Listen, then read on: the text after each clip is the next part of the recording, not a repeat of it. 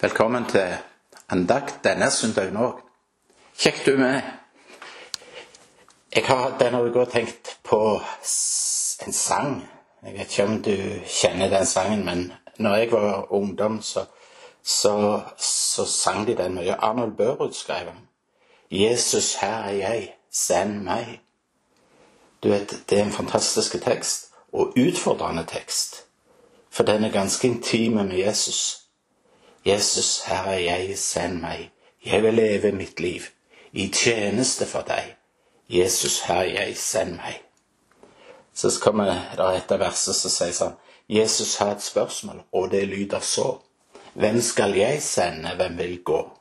Hvem vil bære budet om Guds kjærlighet? Si meg, vil du være med? Og så kommer det et vers som jeg tror starter sånn at høsten er moden, og arbeiderne få. Hvem skal jeg sende, hvem vil gå? Kall jeg eller alle som tror på Frelseren, vil du være med, min venn? Og dette spørsmålet kjente jeg kom til meg. Vil du være med? Amen. Jeg vil være med. Og så kan vi lese misjonsbefalingen Matteus 28. Ikke sant? Og så skal vi begynne å stille oss et spørsmål. Er du villig til å følge Jesus, hva enn som skjer? Da kan vi begynne å tale om hva som er målet for ditt og mitt liv. Hva er det høyeste målet for ditt og mitt liv? Ikke sant?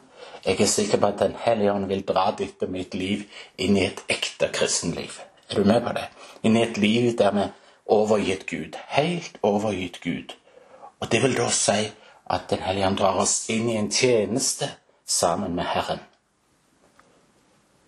Og Hvis vi ikke ser denne sida av vårt kristenliv, så blir vi på en måte som bare åndelige forbrukere. Forbrukere som går omkring og nyter, og så takker vi Herren for alt som skjer. Men allikevel er vi så utilfredsstilte i dypet av våre hjerter. Og vet du hva det kommer ene alene av at, at vi ikke er kommet inn i det som Herren vil med våre liv. Så kommer denne sangen til meg. Jesus, her er jeg, send meg. Og så står det i Matteus 28. Og dette var jo noe Jesus sa etter oppstandelsen, ikke sant? Denne misjonsbefalingen, som jeg kaller det. Han sier det til sine disipler der og da, men han sier det òg til disiplene sine nå i alle generasjoner, og her i dag til deg og meg. Og så står det i Matteus 28, vers 18. Og Jesus trådte fram, talte til dem og sa, meg er gitt all makt i himmel og på jord. Gå derfor ut og gjør alle folkeslag til disipler, idet dere døper dem til Faderens, Sønnens og Den hellige ånds navn, og lærer dem å holde alt det jeg har befalt dere. Og se, jeg er med dere alle dager inntil verdens ende. Mm, amen. Herre, takk for at du er her. Takk for at du skal bare åpne våre øyne, sånn at vi får og våre åndelige ører, sånn at vi får se og høre hva du vil. Herre, vær du på førsteplass i våre liv. Amen.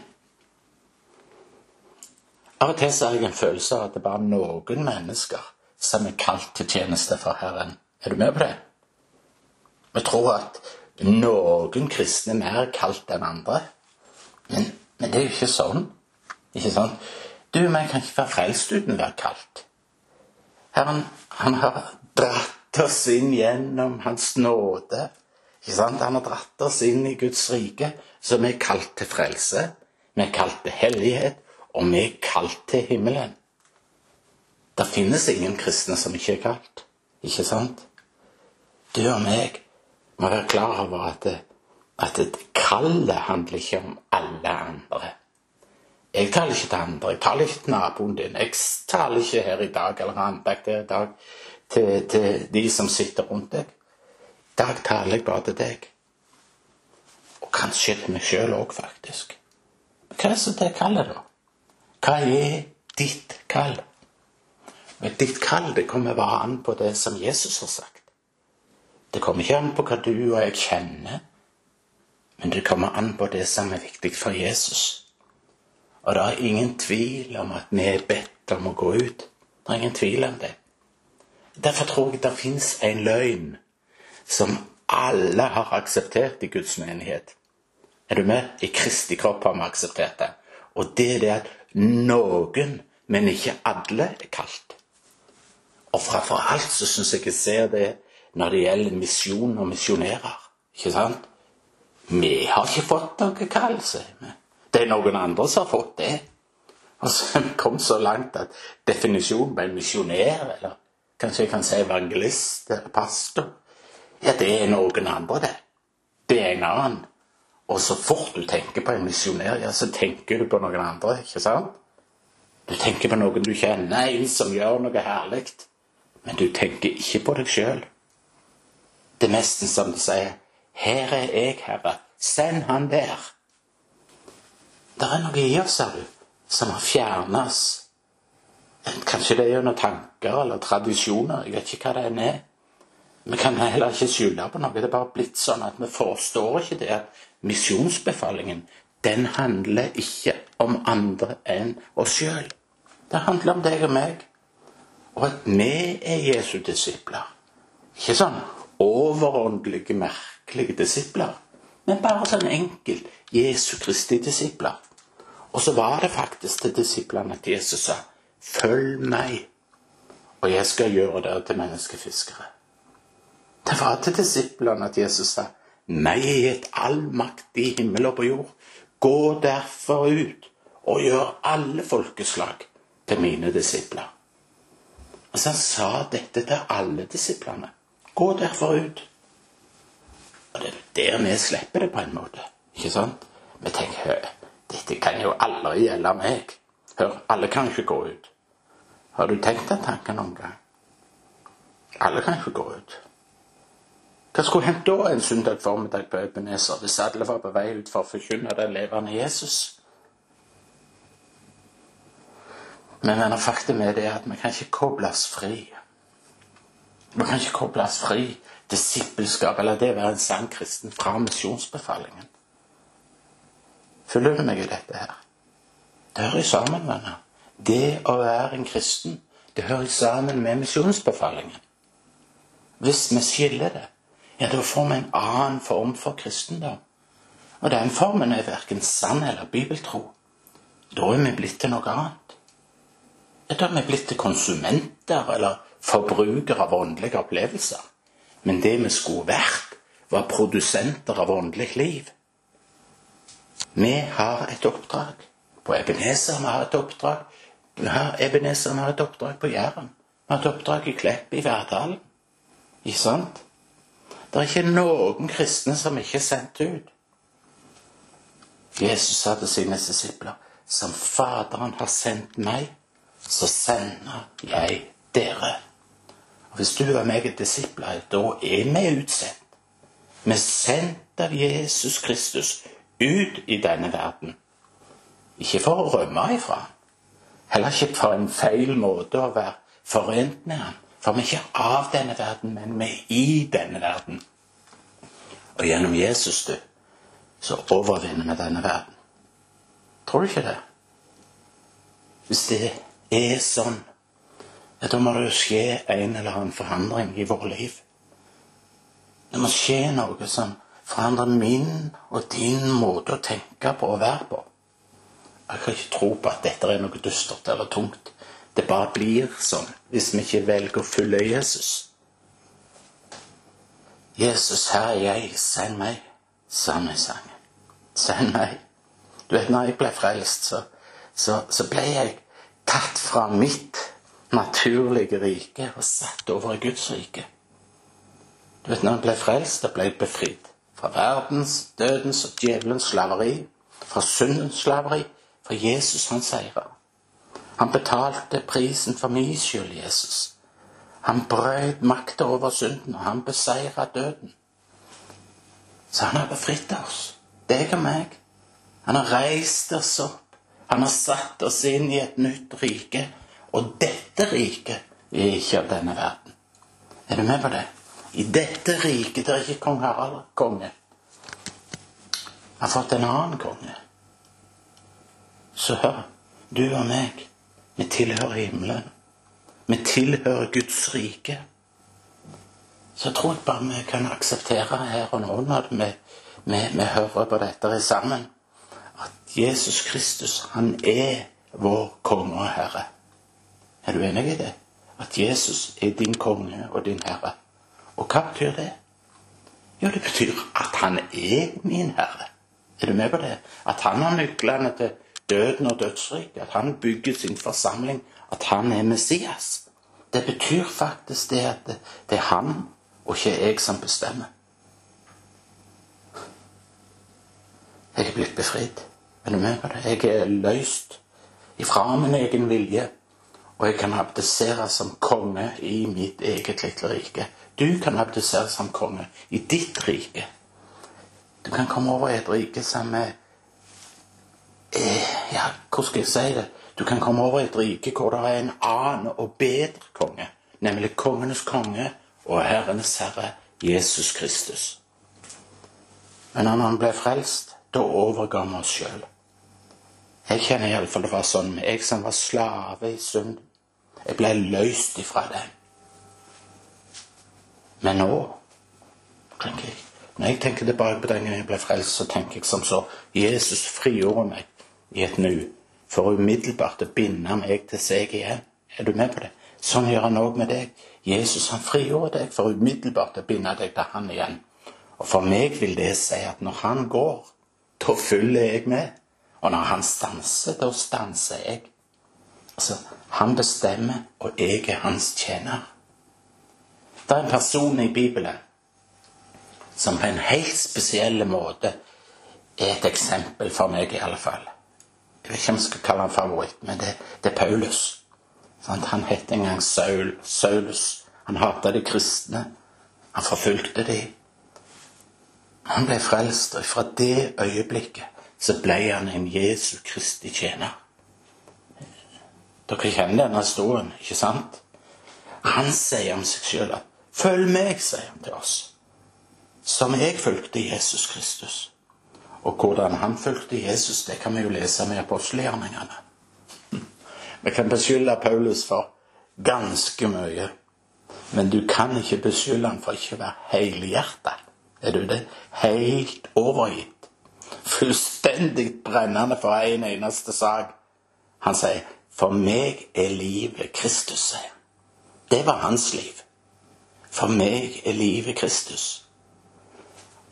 Og denne innstillingen til livet, altså denne innstillingen til Gud og denne innstillingen til omstendighetene Det er denne innstillingen Paulus mener skal være vår innstilling. Paulus han er et forbilde. Han sier 'se på meg, gjør som meg', så skal fredens Gud være med dere. Så skal vi få lov til å se litt på hans omvendelse. Jeg tror jeg vil lese et par ord derifra. Og det er i kapittel 9 i apostelgjerningene det står. Er du med meg nå? Du vet, nå vender endelig Saul om. Sant, Saul og sånn. Og når han vender om, så sier han noe veldig dramatisk her. Det er Jesus som sier det. I vers 5 så står det 'Han svarte'. Da er det sølvet som sier 'Hvem er du, Herre?' Og han svarte 'Jeg er Jesus, han som du forfølger'. Men reis deg opp og gå inn til byen, så skal det bli sagt deg hva du må gjøre. Så skal du få vite hva du skal gjøre. Hva du må gjøre.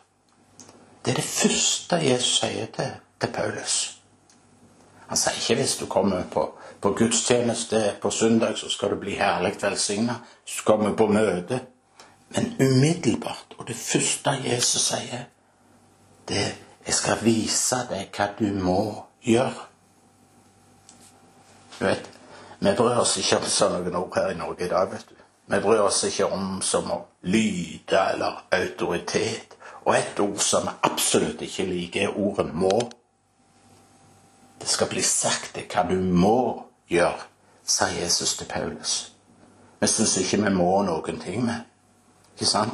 Vi har fått på en måte et menneskelig tilpassa evangelium som går utgår hele tida fra hva vi kjenner, og hva vi syns. Og ofte så er mitt og ditt eget jeg tilbake på trona. Vi har bare en liten Jesus som har stappet ned i baklommen. Så tar man fram en og annen gang hvis vi har litt vondt i kneet eller magen. Eller hvis vi er litt lei og så dystre og bekymra. Og så sier vi 'Jesus, gjør noe for meg nå'. Og han gjør det, for han er kjærlig og god. Men når miraklet er gjort, og velsignelsen er kommet, ja, så stapper vi han lettsomt bare det ned i baklommen igjen. Helt til vi trenger han igjen. Men dette blir så feil.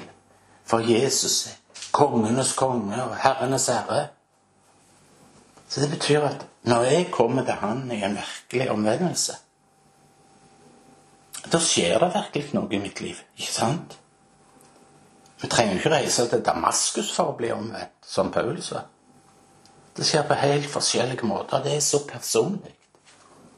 Når du og meg venta om når vi tok imot Jesus, ja, så skjedde det noe i vårt liv som knuste og knekte oss. Det skjedde en overgivelse. Og det blir det sjelden talt om. Skal helst bare tale som den velsignelsen, den vidunderlige velsignelsen som kom inn i vårt liv. Og det er jo sant, for, for freden kom, gleden kom, rettferdigheten fikk meg i gave. Men det var òg noe helt annet som hendte. Vi ble knekte og knuste på innsida. Vi overga oss sjøl. Vi bøyde oss for virkeligheten. Vi kapitulerte og bøyde oss for kongenes konge. Vi slutta å være konge og begynte å bli tjenere. Og Så sier kongenes konge til Paulus, jeg skal si deg hva du må gjøre. Må. Du må gjøre dette. Det er ikke et spørsmål om du kjenner for det eller ei. Det er ikke et spørsmål om det passer inn i ditt skjema eller ei. Dette er noe som du må gjøre. Det er her bedrageriet kommer inn i vårt liv, vet du. Derfor er spørsmålet er du villig til å følge Jesus. Det er vi stilte i begynnelsen. Hva enn som skjer. Jesus, her er jeg. Send meg. Som Faderen har sendt meg, så sender jeg dere sier Jesus. Jesus valgte å forlate sin fars herlighet. Han, han valgte å forlate himmelen, og han kom ned. Han kom ned i skammen, i mørket, i opprøret. Han kom ned i selviskheten, synden og sykdommen, og han døde. Han kom faktisk til stanken og egoismen. Det var der Jesus kom. Han valgte frivillig å gjøre det for å ta deg og meg til himmelen. Og som mesteren er, som òg hans disipler være. Men vi må tilbake til utgangspunktet i vår tro. Vi må følge Jesus på alvor. Er du villig til å følge Jesus hva enn som skjer? Vet du hva hans legeme trenger i disse dager? Jo, hans kropp trenger disipler som har overgitt sine liv og sin vilje til han. Amen disipler som sier det, det viktigste er ikke hvor jeg bor, men det viktigste er hvem jeg følger. Det viktigste er ikke hva, det er ikke hva jeg eier, men hvem som eier meg. Og vet du, Det innebærer for meg i alle fall å bo hvor som helst, å være hvor som helst. Å reise hvor som helst. Å gjøre hva som helst Jesus ber meg om å gjøre. Er du med på det? Ikke fordi jeg er litt smårar, litt merkelige, eller fordi jeg har, ble frelst i Frelsesarmeen og er pastor på her nå i, i, på Ebenezer. Men fordi jeg er en vanlig kristen som har stilt meg til Jesu disposisjon. Og så kommer Jesus til deg òg og sier, 'Reis deg opp. Jeg har noe du skal gjøre.' 'Jeg kaller deg til å tjene og vitne for meg.' Nå er det ikke snakk om andres kall, men ditt. Du er kalt for å tjene og vitne. Jeg kjenner at jeg har lov til å si det. Jeg kjenner det er ingen alderspensjon i dette. Jeg nærmer meg jo pensjonen. Men det er ingen pensjon i, i dette arbeidet. Den mannen som ledet meg til Gud, var en mann på over 80 år. Han så meg der jeg var. Og Sånn er det med deg, og du er kalt for å tjene og vitne. Du er ikke kalt til å sitte der på den stolen du sitter, eller på sofaen. Jeg vet ikke hvor du sitter. Du kan gjerne få lov til det, men det var ikke derfor du ble frelst. Du ble ikke frelst for å komme inn på møte på gudstjeneste for å nyte gode sang og musikk og, og bare kjenne at det klør godt i øra. Du ble ikke frelst bare for å være med i en forsamling. Det var ikke målet med frelsen. Og hvis vi mister målet med hvorfor han ble korsfesta, han døde og oppsto Hvis vi mister målet, ja, da mister vi òg kraften. Og hvis vi mister kraften, ja, da blir kristenlivet vårt grått. Jeg fikk et kall en gang om, om å være med og forkynne, komme tilbake til de gamle stier. Komme tilbake til kilden. Komme tilbake til målet.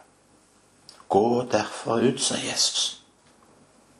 Gå derfor ut. Jeg har utvalgt deg, så gå av sted og bær frukt.